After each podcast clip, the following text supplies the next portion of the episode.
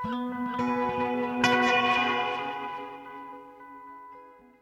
og sæl, kæru hlustendur. Melgorka Ólastóttir heilsar ykkur úr hljóðstofu Víðsjár 5. daginn 3. november. Í þætti dagsins heimsækjum við tvær síningar. Geometriu í gerðarsafni og heimsins Hnoss í þjóminarsamninu. Á sjötta áratögnum dvaldi hópur íslenskara listamanna í París og drakk í sig menningu meilandsins. Úrvarð eitt heilstiftasta tímabil í íslenskri listasögu þegar geometrísk abstrakt list varð ríkjandi meða listamanna og myndlistinn hér á landi var í fyrsta sinn í raun samstíga því sem var að gerast í norrætnu og evróskri myndlist. Listamenn hættu að skýrskota til veruleikans og kusu frekar eintóna litafleti og geometrískan strángleika í leitsinni að sannri tjáningu innri manns án utan að komandi áhrifa. Þessu merkilega tímabili í listasögunni eru gerð ítaleg skil í nýjútkominni bók og á viðamikilli síningu í gerðasafni um þessar myndir. Við lítum við í kópóinum hér rétt á eftir og heitum síningastjóra Geometriu, þær Brynju Sveinstóttur og Cecíl Gaet. Við förum líka í heimsókn í Bógasal Þjóðminnasaps Íslands og ræðum þar við nokkra aðstandendur síningar sem heitir Heimsins Hnoss, Lúin Kistill, Silfurskeið og Nærbuksur með gati. Sýningin miðlar afrakstri stórs rannsóknarverkanis sem hefur staðið síðustu ár og var unnið af hópi fræðimanna við Háskóla Íslands í samstarfi við Erlenda aðila. Á nýju síningunni fáum við einsinn í það hvað fólk átti fyrir á tíð, hvers verði eigur þess voru og hvernig eigur fólks fyrir á öldum endur speklast í varðvittum menningararfi þjóðarinnar. En við byrjum á því að ferðast hálfaleið til Parísar og aftur til sjötta áratugurins.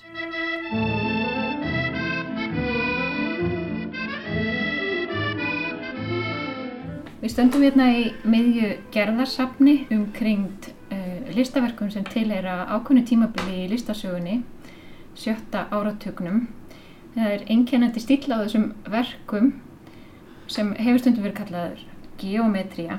Brynja, getur þú sagt okkur aðeins hvað er geometría fyrir þá sem ekki sjá? Já, geometría er uh, listræfing þar sem eru gera tilraunir með því að spila saman formum, grunnformum og grunnlítum og skapa spennu og reyfingu á myndfletinum. Og þessir listamenn sem, sem eru hér á síningunni, þeir kynnast geometriu flestallir á ferðum sínum og námi í París í byrjun sjötta áratugurins og er þessi reyfing, hún sprettur upp úr mótinískum framúrstafningum reyfingum í París á þessum árum og, og koma listamenninni síðan með þessa reyfingu til Íslands og verður hún mjög ráðandi á sjötta áratögnum. Þessi bylting, hún, hún var að gerast viðarheldur en á Íslandi en hún hefur kannski verið sérstaklega mikil sprengja inn í Íslands menningarlíf. Já, algjörlega. Þessi listamenn voru eins og Brynja saði úti á þessu stutti tímabili og komu svo heim með nýjum hugmyndum og áður fyrir hefur listasöguna einkennist af figuratífum verkum og það hefur verið málað það sem augað hefur séð en allt í einu var farin að sko byrta og poppa upp listaverk sem saði allt öðruvísi sögu eða kannski enga sögu eins og fólk var að gaggrína að þetta væri nú ekki myndlist. Kannski þessi hópur hefur ymmeitt út á þessum rosalum gaggrínum sem byrtist í samfélaginu svolítið staði ennþá þjættra saman og hafði ennþá mikla trú á það sem þau voru að gera. En hvað var til þess að koma á stað þessari umbreytingu í listinni á þessum tíma? Í svona sögulegu samingi, hversuna gerðist þetta á þessum tíma? Sko þessi reyfing líkt á aðra mótiníska listreyfingar þær spretta upp sem ákveð ansvar og sem viðbræð við mjög breyttu samfélagi og það er, það er bæði náttúrulega mikil fólksfjölgun, það er hérna, mikil órói, pólitískur órói á þessum tíma og hraðar tæknilega breytingar. Þannig að þessi listræfing eins og, eins og annar mótinismi er svona tilraun til að endur skilgreina viðhorf okkar til umhverfisins og leitað einhverju nýju sjónrænu tungumáli.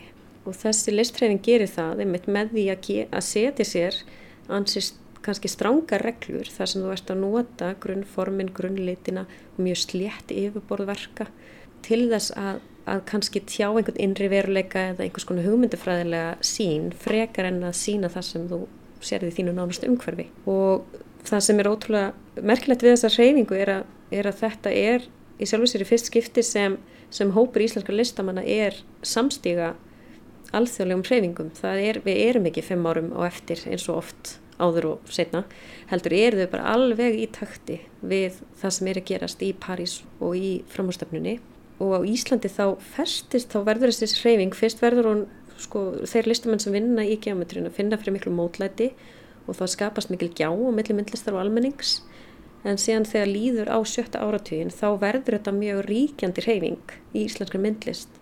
Og það er hægt að sjá á síningunni hvernig það er ekki bara þessi grunnhópur sem er í París sem er að vinna þetta, heldur eru líka næstu kynsluður verða mjög innblásnar og þetta fer nánast að vera svona ákveðin skóli að fara í gegnum geometrina og þetta er náttúrulega líka mjög góð kennsla í rauninni á formanótkun og lita, litafræði að fara í gegnum þessar aðfriðir.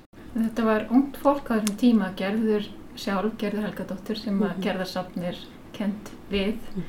Hún var ekki nema rúmlega 20 en hafði mikil áhrif á sér eldra myndlistafólk. Já, það er einmitt svo fallegt við þessa reyfingu líka er einmitt að sjá þetta samspil á milli kynnslóða. Það var ekki bara eldri listamann að hafa áhrif á yngri, heldur eins og gerður eins og nefnir. Hún fer til Parísar 50, 1950, hún er bara 22 á þá og hún sýnir fyrst játnverk sín, geometrísku játnverkinu í Íslandi 52, þá 24 ára og hún breytir högmyndalistinu í Íslandi. Mm -hmm og það eru listamenn eins og Ásmundur Sveinsson sem verður virkilega innblásin af henni. Hann er þá talsvægt eldri og er að vinna annars konar verk en, en fer að vinna járnverk sem er gaman að sjá í samtali við gerði og því hann vinnur þau náttúrulega frá, út frá sínu stílbræði og sinni nálgun. En hún hefur mikil áhrif á myndlistina bæði hérlendis og erlendis með verkum í, í járn og ofinleg efnisnótkun hjá henni og líka formfræðin sem hún notar En taland um efni, hún, var, hún er svona ábyrgandi í þessum skúltúrum en svona flatir myndflitir eru algengari hjá þessum geometrísku listamönnum. En Áskjöru Búadóttir, hún vann í textil. Hver voru ön, önnur svona ábyrgandi efni? Sko, uh, bæði gerði og Nína Tryggvadóttir unni í gluggum, glirverk, steindum gluggum. Það er líka til dæmi að valgerði hafstaði Vala Ennart vann í Mósæk. Sumulegis erum við með tvö verk eftir henni Kristíni Jónsdóttur frá Mungaþverá sem vann í Silkuþrygg.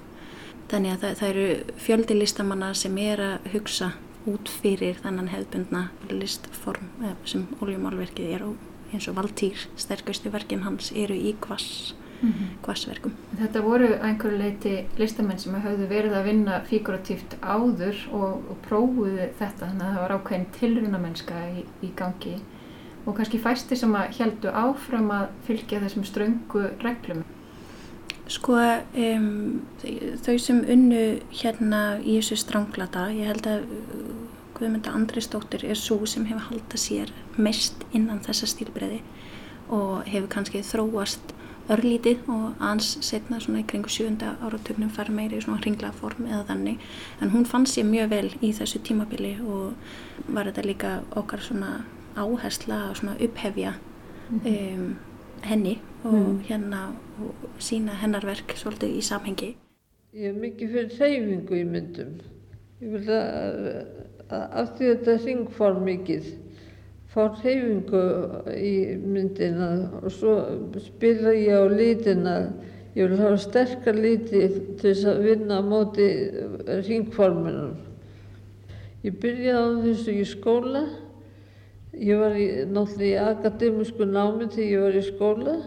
En þegar ég fór til uh, Akademi Ransson, ég var þar, þá byrjaði ég að mála abstrakt og geometri og það eru tvær myndir þarna frammi sem er frá mínu fyrstu síningu, það er geometria. Svo fór ég að breyta um og fara í lýriskari form. Aðri listamenn sem stók kannski stýttri er eins og hann hérna, Kjartan Guðjónsson sem var meira að skrifa e, um þessa hugmyndafræði frekar heldur en að finna sér í, í, í listinni þannig mm. og stoppaði stutt við en um, verkið hans mjög geometrist og skemmtilega tilurina mennska í svona litaformum og, og samsetning lita verkið hans. En þið talið um að, að hafa viljað lifta upp þeim listamennum sem kannski eru minna þekktir á þessari síningu og þú nefnir Kristínu Jónsdóttur frá Munkaþjörá sem er eini núlegandi listamæðurinn og þið hafið hugsun í því líka að lifta konunum upp á sérstakann átt. Það var alveg ótrúlega um, mikilvægt fyrir okkur að fá að upphefja að því að þetta er svo skemmtilegt tímabil þar sem þessa íslensku konur eru mjög ábyrrandi. Þau voru mjög sterkar innan þessa reyfingu og varu svolítið um, bara leiðandi hópsins í raun og veru.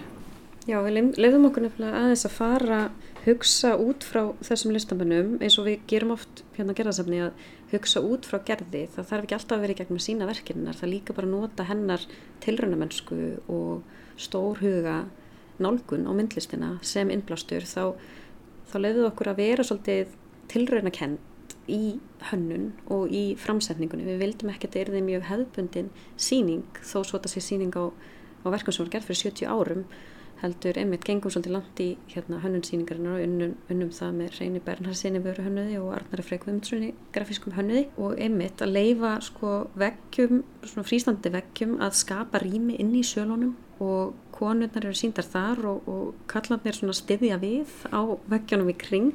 Og það líka sínir kannski hvað þetta var mikill hópur og þetta var mikill vinskapur.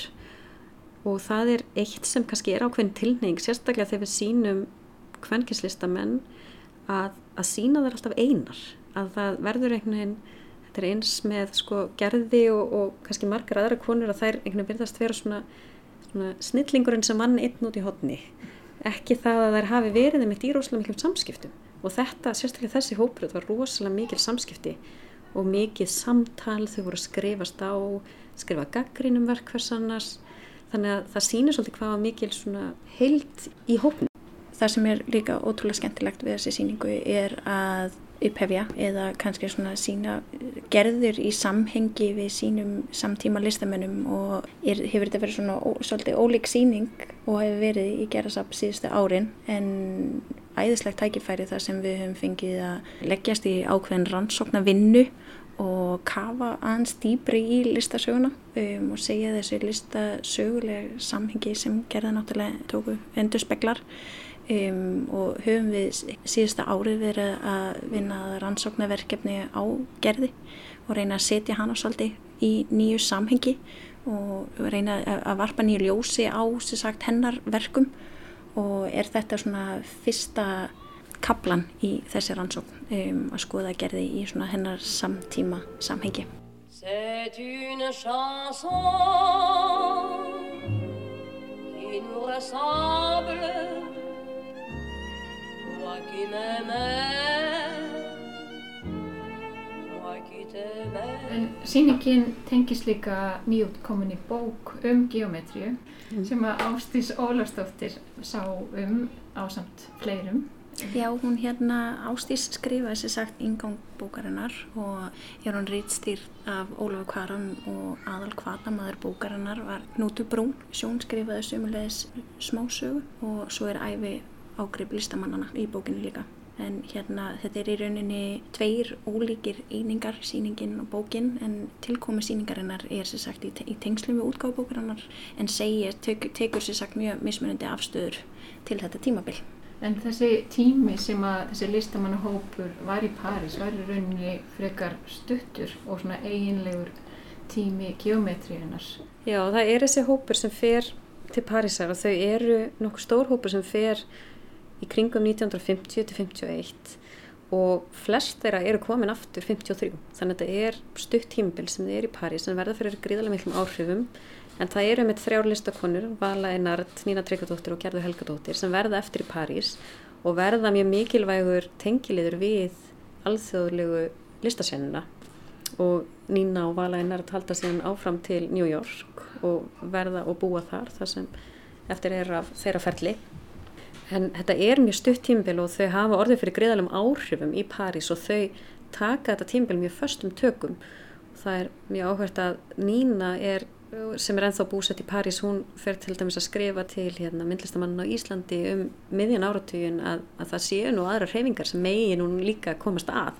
Að það var hansi upp úr miðjum sjötta áratug þá er þetta orðið mjög ráðandi hreyfing í íslenska myndlist en listamann í París eru líka að vinna í ljóðræna abstrakt list, eru líka að vinna figuratíft, það, það eru ímsa hreyfingar sem, sem nálgast þar en hér verður þetta, þetta verða svona ákveðin trúabröð en tímabili varir líka rosalega stutt. Þetta er í rauninni bara þegar þau koma aftur heim. Fyrsta geometriska verkið er sínt 51 verk Valdís Péturssonar og síðan eru flest allir listamennir komnir í annars konar myndlist um 1960 þannig að þetta er mjög kröftugt en stutt tímbil Það sést líka mjög skýrt á síningunni með bara verkum hennar gerðar vegna þess að játverkin, svörtuverkin sem hún er svo þekkt fyrir hún gerur þau bara tímabilinu 51-53 mm -hmm. svo er hún strax komin í allt öðruvísi sko víraverk og miklu fingerðar og öðruvísi pælingar tengingum við hérna Dulsbeki og, og fyrirlestra um hérna Dulsbeki Gurdjef hún er farin að hugsa um sko, stjórnufræði, stjórnusbeki og hún komin í alveg gríðarlega tengingar einmitt bara um 54 Já. þannig að það er alveg ótrúlega stökk innan, innan listsköpunum þessari listamanna Já og á síningunni sínist sérsta, sérstaklega í hennaverkum sko. mm -hmm. mm -hmm. þessu rosalega rauðu breyting eða umskipti í, í aðra bælingar mm -hmm. En uh, þrátt fyrir að, að reglurna séu svona stífar í grunninn eða skýrar þá sér maður samt mjög ábyrgandi og enginandi stíl hvers og eins listamanns og kannski betur og betur eftir því sem maður horfir lengur á verkin og, og svona horfir á þeir hlið við hlið. Til dæmis Hörður Ágústsson hann sker sig úr, hann er með svona blandaða liti og, og mígra, mígri línur.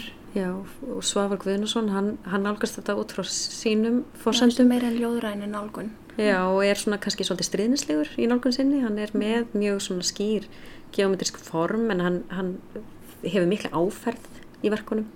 Er jáfnveil sko að blanda saman krít og oljumálingu og er að, er að nutta yfirborðið til að fá aukna áferð sem var eitthvað sem átti helst ekki að gera á þessu tímbili mm. þannig að það er mjög skemmtilegt að sjá hvernig þið er að gera tilröðinu hvert um sig með sína nálgun og eins í verkum Nínu Tryggvadóttir hún á stutt tímbili innan geometriunar og það er jáfnveil hægt að sjá út úr þessum verkum einhvers konar náttúru vísun eins og ákveð ákveðin sjóndeildarring efst í verkonmennar og hún þróast mjög rætt yfir í ljóðrætni og, og náttúru tengdari abstraktlist. Ég held að hver manneski hafi sína eigin sjóna á, á sitt umhverfi og, og hún tólkar það uh, bara fyrir sig og, og það er ekki alltaf, það er hér um vilja aldrei að tver manneskir hafa nákvæmlega sem sjóna saman hlut. En nýjustu myndir þínar, eh, má ekki segja að þær séu alveg abstrakt? Jú, það er alveg abstrakt. En samt er hægt að fylgja því hvernig þetta hefur breyst frá því naturalistisku yfir það abstrakta. Þú hefur nú fengist úr fleira en, en mála myndir, hefur ekki unnið talsvægt í gler?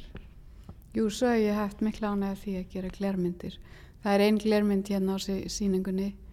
Ég hefði nú viljað hafa fleiri en það, það er svo erfitt að flytja þetta, það er svo brotætt og svo ég sá mér ekki fært að flytja með minn um eina bara til að gefa sínin svona þessari tegunda vinnu sem ég hef líka gert og ég hef uh, gert myndir fyrir kirkjur og eins í, í enga hús og, og glugga hjá fólki bæði hér og erlendis. Og þú verður alltaf haldið áfram nýna að vera íslenskur lismólari þú hafið átt svona lengi heima erlendis. Já, það er alltaf eitthvað sem að drefum mann heim og eitthvað sem er hér í náttúrunni sem maður stendur manni nálegt sem, sem maður fær líka hugmyndir frá. Til dæmis litirnir hér á Íslandi er alveg sérstakir og, og ég, mér finnst ég mikið hafa mikið gagna því bara að vera úti hér og horfa. Það er svo tæri litir. Það er hér um vel hverkið svona tæri litir. Og líka skemmtilegt að sjá með verk Þorvaldar Skúlasonar um, þar sem hann er að vinna meira í sko, einhvers konar dýft í verkunum eins og Guðmund Andristóttir er að reyna að skapa reyfingu þannig að þó að hugmyndin, hugmyndum geometríuna er svona rosalega formfast þá hafa þau samt þeirra mismunandi nálgun á því og það er búið að vera ótrúlega skemmtilegt að setja öll þessi verki í sömu rými vegna þess að þau eru með þessi fasta reglur en nær sér sagt að senna sína veist þeirra sérkenni og stimpla þeirra nálgun á verkun veist, sem sést mjög skýrt þegar maður lappa í gegnum sínguna. Þetta var líka kannski miklu leiti hugmyndafræðileg nálgun og þessi hópur var, var í góðu samtali við til dæmis atomskáldin. Já, þessi hópur var eh, mjög tengdur því sem var framarlega og framhástefnilegt í ólíkum greinum og það er eina af þeim hugsunum sem kemur fram í mótinismannum eru eru í raunin að afmá að vissu leiti skil á milli listrætna greina og það má allir með sjá á byrtingi sem verður svona eila málgagn geometríunar. Hörður Ákursson var eittstjórum um ára bil og, og teiknaði og gerði grafísku hönnunna í ritið og Benedikt Gunnarsson gerði það líka og Títur Rót kom líka inn í svona grafísku hliðina á, á byrtingi og þar þar sést mjög mikið með þessi samrunni að þetta myndlistin átti ekki að vera eitt og, og almanarímið annað eða bókmyndir annað heldur var svona leitast við að láta þetta blæða á milli og fara yfir, yfir þessi mörg. Hörður Ágússon er listmálari og það fjalli hans hlut að skrifa um myndlist og svo einnig um byggingarlist.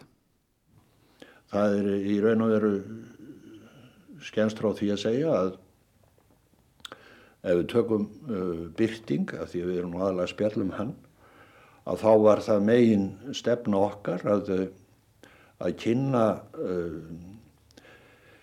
nýjungar í listum á sem flestum sviðum. Tónlist, bókmentum, byggingarlist, myndlist og svo frafins og svo frafins og, og menningar ströyma, heimsbyggi, vísindi, hvað eina.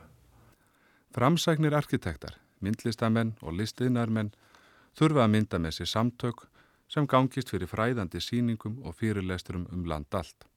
Og síðast en ekki síst verður að skapa það almennis álit í landinu að sá þig ekki maður með mönnum sem ber ekki skín á fagra listir. Ég er samfarður um að hlutirnir hindra flesta áhorfandur í að komast í snertingu við sjálfa listina. Óhlutlega listin er á anstæðu skauti við hinnar hlutlægu, þá list sem hefur verið ríkjandi frá reynisastímanum fram á okkar daga. Á því tímabili var listin háð ytri heimi efnisbundum hlutum. Óhlutlæg list lítur framar öllu kalli innri abla og lítur því að stöðla fremurinn hinn að personleiri tólkun jáfnframt því sem hún losar okkur smátt og smátt við hlutina og gerir þið ósýnilega sínilegt. Þetta var úr öðru tölublaði byrtins 1958 og var eftir Hörð Ágússon. Hörðu tók við tölvun okkara listmálara sem í dag eru heimsþekti menn. En hvernig stóð þessum viðtölum? Þessi, þessi viðtöl tók ég e, veturinn 50-50-56 ekki þá fór ég út til Parísar og var þar heilan vetur við, við, við myndlistarsköpun. Og ég hafði kynst sumu þeirra og vissi um þá reyndar. Og það var auðvitað hluti af, af mínu starfi og okkar starfi að kynna um, viðhorf þessara listamanna.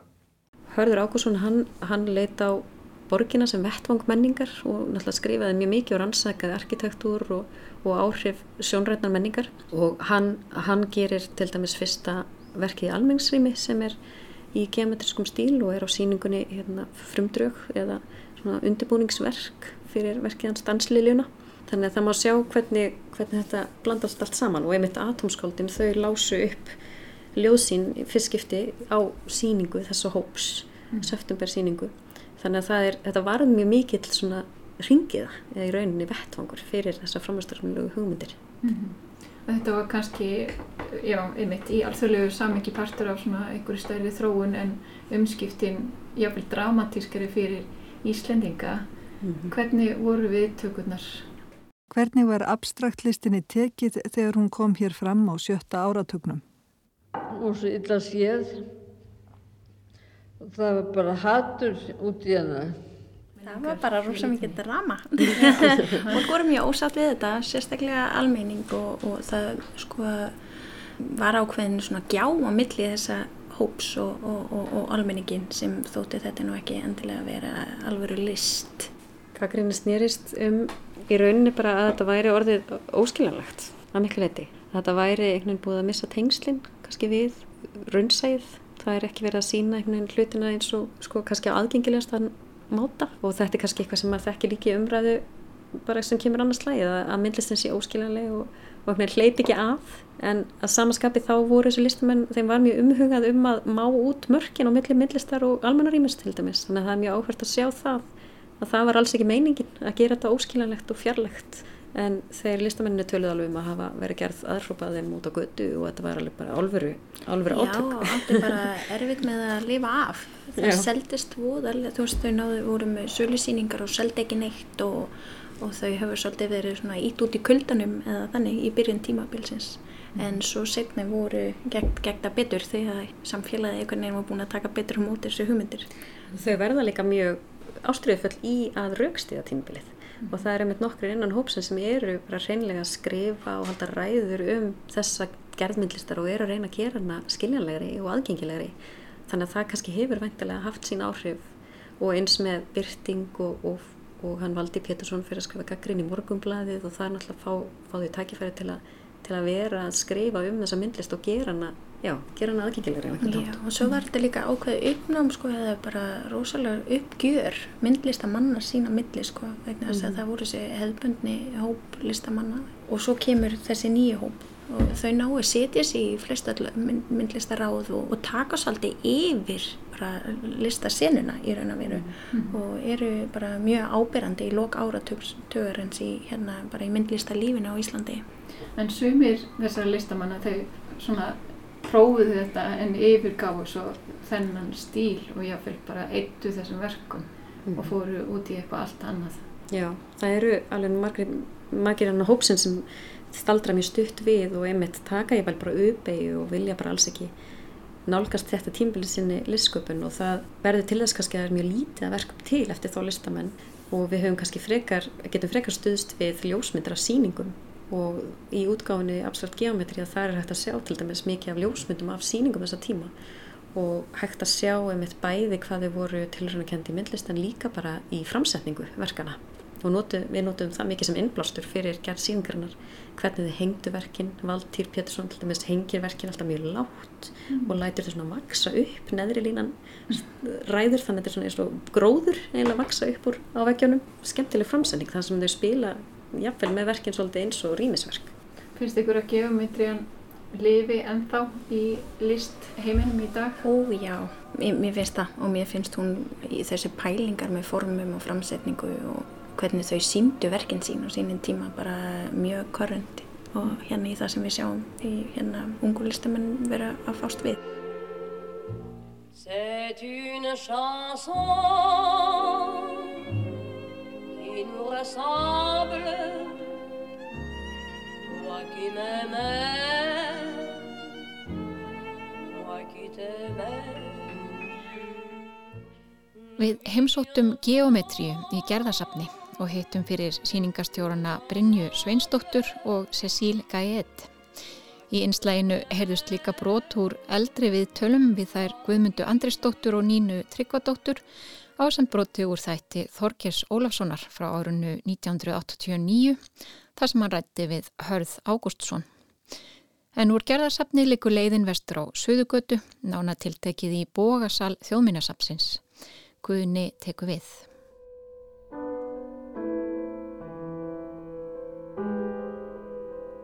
Bibliarótin, stór kistugarmur, ónýtur, saumaskrúa, sjö tunnuskribli, öll fúinn og mjög banda fá, sumar heilar, sumar halvar og flestar botlausar, nærbuksur með gati.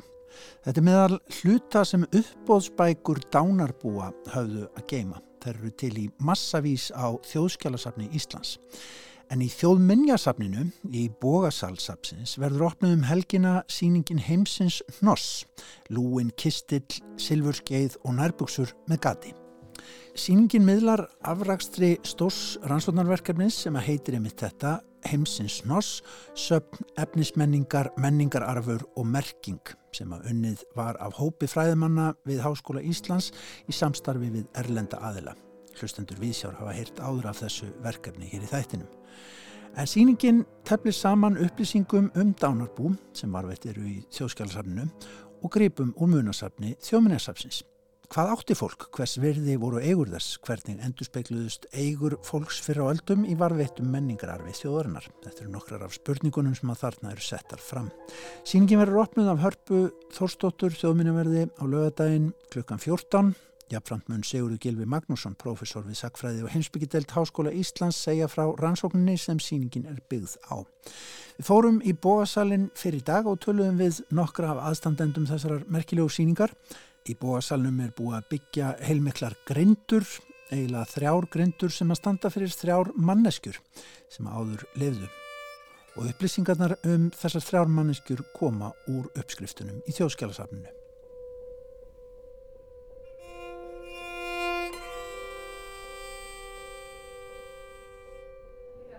Já, ég heiti Freyja Líkvist Sessilindóttir og er sérfræðingur í Mjörnarsafni, þjámjörnarsafsins og mitt hlutverk svona var, ég kom svona víða aðeins svona fyrst og fremst var það að velja gripina á síningu. Nú stöndum við hérna inn í einna af þessum grindum sem að þeir eru að raða gripunum inn í mm. og áhórandin sem kemur hérna, hann horfir það ekki inn í gripasafn hverjar og einnar svona, já, mannesku sem er að baka þetta í rauninni. Já, að, hérna, þetta eru þrjár mjög mismunandi manneskjur sem við erum svona að reyna að tólka hér eða tólka dánabúin þeirra. Einmitt. Það er rétt að taka það fram, þetta eru ekki þeirra eigur, Nei, heldur er þetta, eru gripinni valdir sem fulltrúar mm -hmm. eigna þeirra. Já.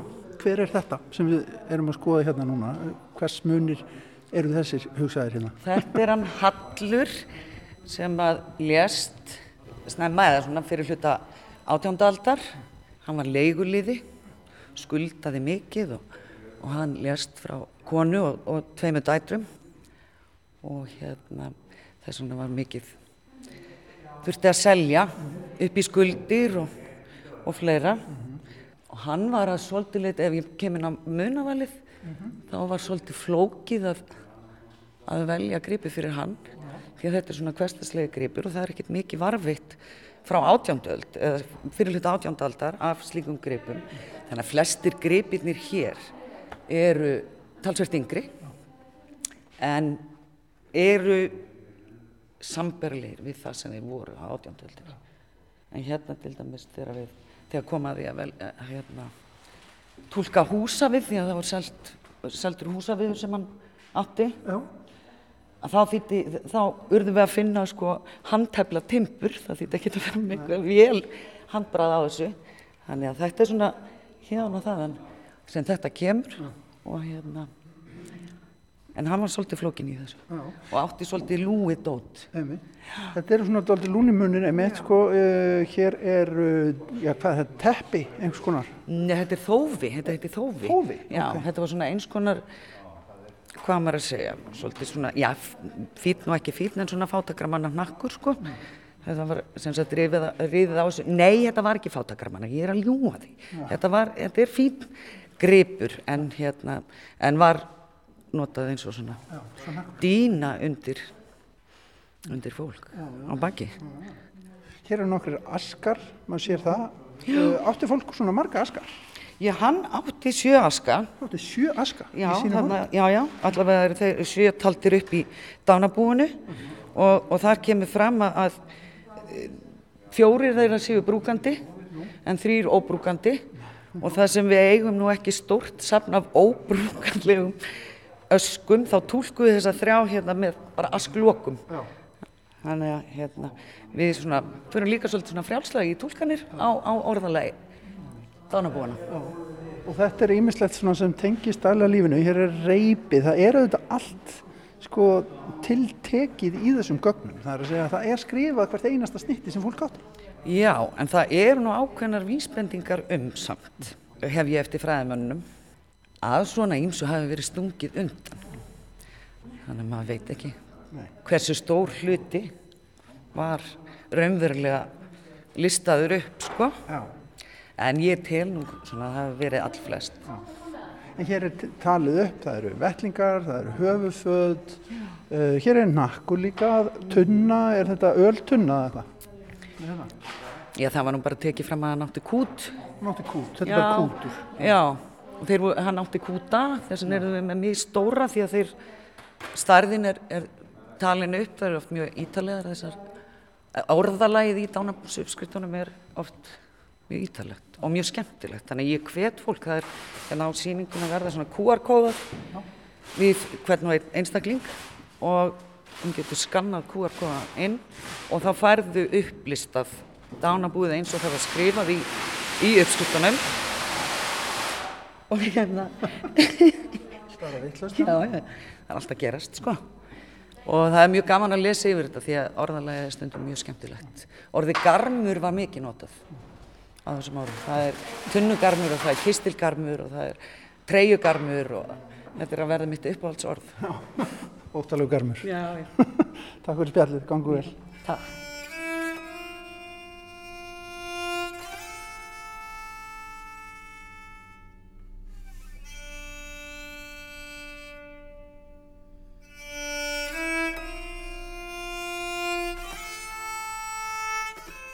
Ég heiti Sara Hjörðis Brandal og er e, síningarhannur síningarinnar.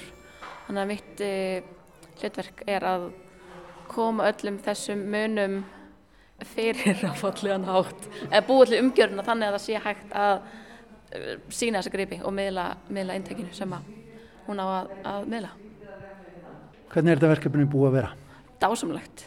Þetta búið að vera hérna langt þann, að, að því leiturinn til að sko ég kem inn í þetta hann einhvern veginn í í mars, april svo er þetta búið að vera alveg svona frekar stanslust og svona þú veist um mitt koma sér á greipinu sem Freyja er búin að finna til og svona svona svona og, og hérna hvað, um mitt, líka bara hvað gátum við syngt af fjölda inn í þessum bóasal af því að við náttúrulega erum först við hann og vilja líka sína allt alla munina sem við mögulega gátum ekki taka einmitt, þú veist, hann áttu sjö aska. Við ætlum ekki bara að sína einn heldur ætlum við þá bara að sína þá alla. Þannig að þá var einmitt ímislegt sem var svona þurfti að þurfti að víkja bara til þess að koma þessu fyrir. Það var hugsunin á baku það að í rauninni fólk fá tilfinningu fyrir magninu. Já, þannig að magnið svona kæmist til skilra heldur en að við séum rosalega mikið að sína óbúslega fallegan útsaum og, og hérna handbrakt er þó þetta sé náttúrulega fallegur út sem eru handbræðin á milli Já. þá er það ekki það sem við erum að sína heldur einmitt magnir af því sem að fólkið átti bara aðlega þessa fólks Hvernig finnst þér að komast í tengsl við þetta svona einhvern veginn þennan gamla tíma? Mér finnst þetta dásamlegt og einhvern veginn líka bara að sjá hvernig maður komandi úr leikúsinu þar sem að hlutunir eru ganga aðeins fyrir þessu fyrir sig það, það var ekki rosa mikið með einmitt alltaf þessu gömlu munni þannig að það er alveg líka hérna búið að vera gott samtal við forverðina einmitt, veist, þetta verður að sínast svona, þú veist, ef, ef ég kom með einhverju hugmynd bara, gerum svona, svona, svona og það bara, nei, nei, nei, það bara má ekki forvörslulega sé, þannig að það er líka búið að vera það er búið að vera, einmitt, rosalega lærdomsvíkt og líka bara mjög gaman að hérna læra svolítið bara svona inn á hvernig þú, hvaða efnið þú mátt hafa saman og setja saman og hvað má og hvað má ekki, sko. Sko það sem einkinn náttúrulega rýmið er þessar stóru grindur sem maður horfur á hérna uh, standa fyrir manneskjurnar sem að á, á baki eru sem að eru svona hugmyndum hvað fólk átti hvert og eitt og, og hérna, hvernig fættist þessi hugmynd að að setja hlutin svona upp? Þetta er allt svona þetta er allt lóðrétt í rauninni. Já, það var sko um leið og ég kom inn um, einhvern veginn um vitandi að það verkefni væri hérna svona snýrist um svolítið þessa um, einmitt þetta magn og þessa svona efnis efnismenningu en þá einhvern veginn langaði mig bara að þetta væri magnið næði líka bara upp í loft. Þannig við tækjum bara frá gólfi og upp og svo bara sjáum við bara hversu langt við þurfum að fara inn í salin þannig að leika hérna rosalega á þessu gífurlegu lofthæð og mínar fyrstu hugmyndir voru að bara e, muninir ættu að flæða alveg upp í loft.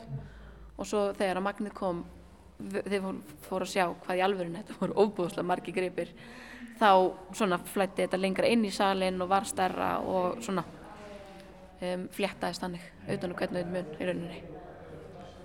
Maður byrjar að hugsa hérna strax einhvern veginn hvað á ég sjálfur og, og, hérna, og hvað fylgir mér og, og ég fór með sko tíu kassa geisladiskum á, á, á sorpu, eða reyndar ekki á sorpu en kom, kom í umferð aftur. Já. og bækur og þar fram til göttunum stundum þarf maður að taka til. Og, en hérna, hvernig upplifðu þú þetta í samhengi hlutana að hugsa um Hvað segir þú okkur eiginlega í samtíman? Í, þetta segir mér að ég á mitt akkurat allt of mikið af hlutum. Og ég áttaði mig á að það eru til sjö mismunandi kaffivélar heima á mér sem að búa til sjö mismunandi tegundir af kaffi sem er fáránlegt. Og það er alveg bara svolítið gælu við búum tvö, þú veist, sem er dekkum kaffi heima á mér þú veist, við, við þurfum ekki að eiga sjö mismunandi vélar og svo er þetta bara upp í skáp og svo er einmitt bílskúrin fullur af alls konar dóti sem maður hérna, mun öruglega pottið þurfa að eiga einhver tíman og krakkarnir munu pottið spyrur einhver tíman og þetta og bara frábært einmitt að eiga alla þessa geisladiska og alla þessa diodiska þegar að hérna, það kemur aftur í umferð eh, Hugsaður uppskriftirna sem þyrti ef það ætti að skrifa þetta allt upp? Já, bara sko ég myndi ekki leggja í það að ætla að fara að reyna að sína einmitt, sérstaklega ekki í bóðsal þjóðmennu samsins allt það sem ég á. Það var ég, já. Það, svona, það, það er kannski svona, svona mest sjokking sem að mér finnst e, tekur svona Það Soltið sko, soltið soliðis Takk hjálpa fyrir spilna Takk sem við leiðist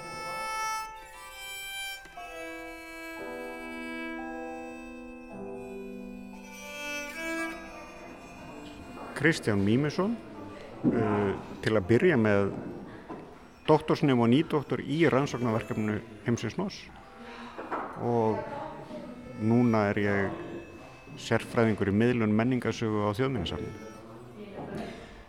Þetta er verkefni sem á sig langa sögu. Sko hvernig er að sjá þetta verða svona til í síningarformi vegna þess að þeir hafi verið að lesa um jú eh, upp úr þessum uppskriftum í daldi mörga hár bara í rauninu og koma þeim út í útgafu og, og þar fram til göttunum hvernig er síðan að sjá þetta svona verða til? Það er bara hálf órunverulegt svona stundum vegna þess að maður er að sjá hugmyndir sem urðu til á svona, svona fundum í, í, í stórum hópi fólks og þá verða til svona hugmyndir sem eru óljósar og, og, og við gerðum okkur enga veginn grein fyrir því hvað væri mögulegt og hvað væri ekki mögulegt og svo núna bara mörgum árum síðar þá, þá eru margar af þessum hugmyndum bara verða til. Það er svona svolítið órunverulegt að upplifa það. Það sem við kannski meira vorum að gera var að, að, að speikla þarna tvö ólík söfn saman sem menn höfðu áður verið að rannsaka þó aðalega kannski gripi, menn höfðu kannski síður verið að líta inn í dánarbúin með svona hliðsjón af því hvað fólk átti, örlítið en, en kannski ekki jafn mikið og en, en það er svona meira þessi það, já, það, það að tefla þessum tveimur sögnum saman sem hefur komið fram með eitthvað nýtt því að, því að þau eru hvort um sig mjög sérstök og segja mjög sérstaka sögu sem, og, og annað safnið kannski býr yfir upplýsingum sem hitt svona þeir að mestuleitum og öfugt. Og það er akkurat þessi, þetta samspil þessari tveikja safna sem hefur verið kannski hvað svona gjöfulast fyrir okkur í verkefninu. Fyrir utan alls konar pælingar bara um það hvað eru hlutir. Er, er, hlut, er hlutur í uppskrift er hann það sama og, og hlutur inn á safni? Það eru svona kannski meiri teoretískar pælingar sem hafa hérna, verið mjög áhugaverðar Hefur þetta breytt sín þinni til dæmis á það hvað þú átt bara kringu þig? Svona kannski alvörunni ekki en það er svona mei, skemmtilegra þegar við fyrir meira að velta einhverjum nútíma hugtökum fyrir okkur í samhengi fortíðarinnar og hér hafa komið upp hugtök eins og deilihagkerfi sem var mjög virt á, á, á átjándu og nítjándu öll þar sem menn voru að samnýta hluti og menn voru með, með útlána starfsemi og, og, og, og annað. Þannig að þannig að eh, það er kannski skemmtilega að sjá hvernig svona ákveðin já, ákveði fyrirbæri í nútímanum sannarlega átti við á þessum tíma þegar það var svona almennur skortur og, og fólk kannski svolítið livði á því að þurfað samnýta og deila hlutum hvert með öðru. Hugsaum að þessum þessa, já, þessar heimildir sem þið hafa verið að skoða undanfærin ár, þessar uppskriftir á dánabúum hversu ríkulegt er þetta og, og, og er þetta ekki bara þurrir listar er, sko, man, man grunar á bakvið í rauninni hverja línu sé, sé einhver hugsun sem að, sem að kvikni á en það virkar, virkar þurft í byrjun kannski. Til að byrja með þá er safnið sem sagt bara stærð safnsins sem til er og er geimt inn á þjóðskjálasafni Íslands. Þetta eru yfir 30.000 einstaklingar sem létust svona á 18. og 19. öld, lang flestir svona frá miðri 18. öld og framundur lók 19. öldar á, á 130-40 ára tímabili og þetta er um það byrju þriðji hver Íslandingur sem lést á þessum tíma. Þannig að það sem við erum með er alveg ótrúlega ítarlegar heimildir bara um það sem fólk hafði umleikið sig á þessum tíma. Og, og ef við sláum, það er nú bara til einhver svona gróf uh, slummu áallin á hvað þetta eru margir hlutir sem þarna eru taldir upp og þá er það já, sennilega ekki undir 6 miljónum og, og miða við það þá er sapnkostur allar að sapna á Íslandi sko, hann, hann er bara brota, brota, brota, brota þessum þessu gríðarlegu, gríðarlegu magni og það sem við finnum þarna líka er einmitt það sem söfnuðu þetta kannski eðlilega er ekki að leggja sig fram um að varðveita. Það eru er svona eh, hlutir í mjög bábórnu ástandi og svo framvís og þessi bara hverstagslegu hlutir sem eru gjörnýttir þánga til að þeir eru algjörlega ónýtur og þeim er hend. Þannig að mikið af þessu vantar, þó að reyndar að hefur líka komið mjög skemmtilega og vart hversu mikið líka af hverstagslegum hlutum er til inn á safni þó að svona almennt síningar þessi ekki að, að, að lifta upp þessum hverstagslegu hlutum og, og, og setja þá svona í öndvegi að þá enga síður uh, er í samkostunum töluvert en, en, en sama, það, það, þarna er, er bara, við erum með dánar og skiptabúin er, eru, eru ótrúlega stórt umfangsmikið sapn um Íslendinga og eigur þeirra á þessum 200 árum, það mætti bara nánast líka þessu saman við við Íslendingabók eða eitthvað svoleiðis um, um, um skildleika Íslendinga. Þetta eru svo ítarlegar upplýsingar sem við höfum þarna og við getum fyllt eftir því hvernig eigur fylgja frá kynnslóð til kynnslóðar, hvernig fólk er að erfa eigur eða kaupa eigur á uppbóði og, og þetta fólk stuttu síðar endar nú sjálft í gröfinni og þá fer þeirra sapna á, á, í, í skipti og þá sjáum við hlutin að ferðast á milli, við sjáum þá dreifast um samfélagið. Þannig að þetta er, þetta er mjög áhugaverð gögn sem mikillir nákvæmni sín okkur hluti sem við áður kannski höfum bara verið að velta fyrir og kannski verið að álíkta um en, en sjáum þarna bara mjög nákvæmt skráða nýður og alls ekkert á svo þurran hátt, en bara mjög áhugaverða. Þetta lifnar við í, í, í meðförum ykkar. Má ég byggja þig um að hérna, leiða með hérna aðeins og einum grip sem þér finnst, sko, kveiki þér svona og, og, og kannski segja stærri sögu en hann, lítur út fyrir í fyrst? Á, á ég að velja einn? Eitt sérstakann hérna, við, við stöndum hérna sagt, við, við völdum þrjá frekar ólíka einstaklinga frá ólíkum tímabilum. Við erum annars vegar með, með, með kotbónda á átjándu öll snemma, mjög snemma í þessu safni dánarbúana síðan eru við með hér eh, vinnukonu austur á landi e, Hvað á hún til dæmis bara? Já og það, það er einmitt, hún er áhugaverð vegna þess að hún er út af marganhátt mjög dæmigerð fyrir vinnuhjú á þessum tíma. Hún á mjög lítið, fábreyta hluti en hún á líka persónulega hluti, hún á söðul og hún á rokk en það sem mér þykir nú kannski aðtiklisverðast er að, að, að stæstur hluti hennar eigna þegar þetta er saman talið er í, í, bara í beinhörðum peningum. Já. Hún á, á, á uh, hérna eina, eina held ég, 30 ríkistæli mm. sem er kannski, svona, maður á ekki vona og þetta er svona einhver svona ný sín á, á, á vinnuhjúum sem, sem maður fær hérna. Það sem ég þykir líka aðteglisvert er hvernig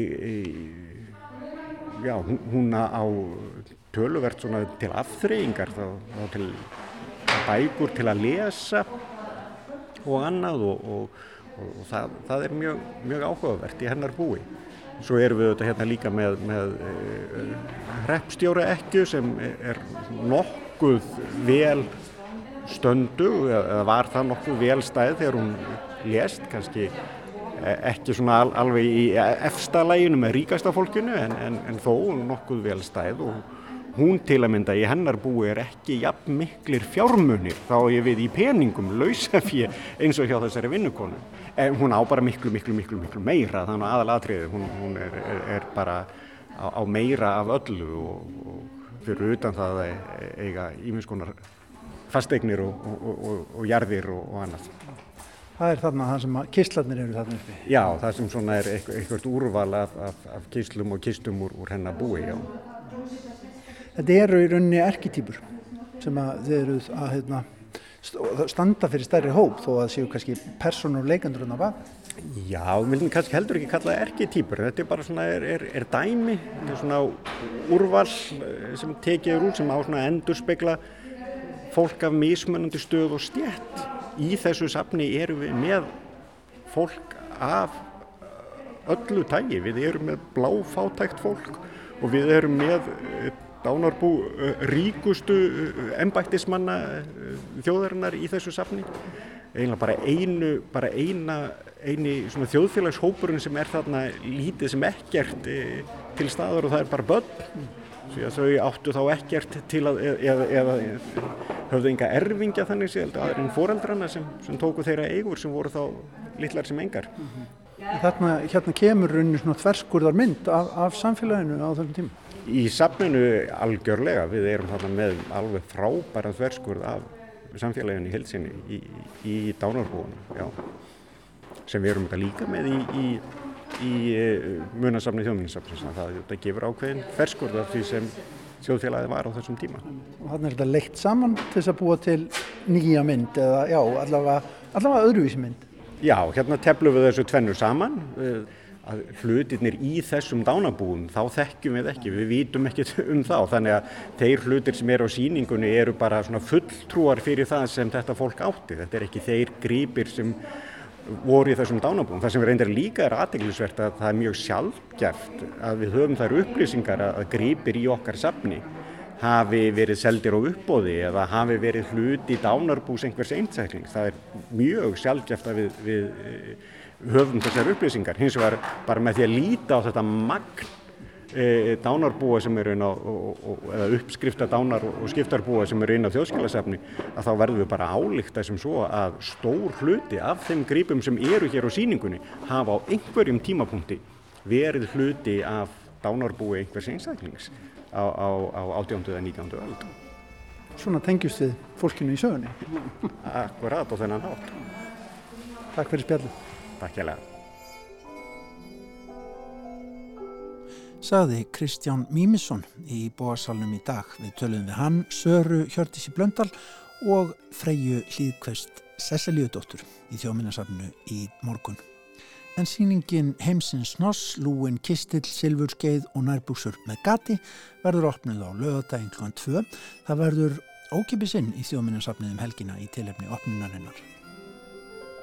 Þess má geta tónlistin sem fylgdi þessari heimsókn í bóasalinn í morgun er úr smiðju tónlistardúós sem heitir Hlökk og skipa þær Ingi Björgu Ír Skarpjænsdóttur sem leikur á langspill og Lilju Marju Ásmundsdóttur sem syngur og leikur á píano.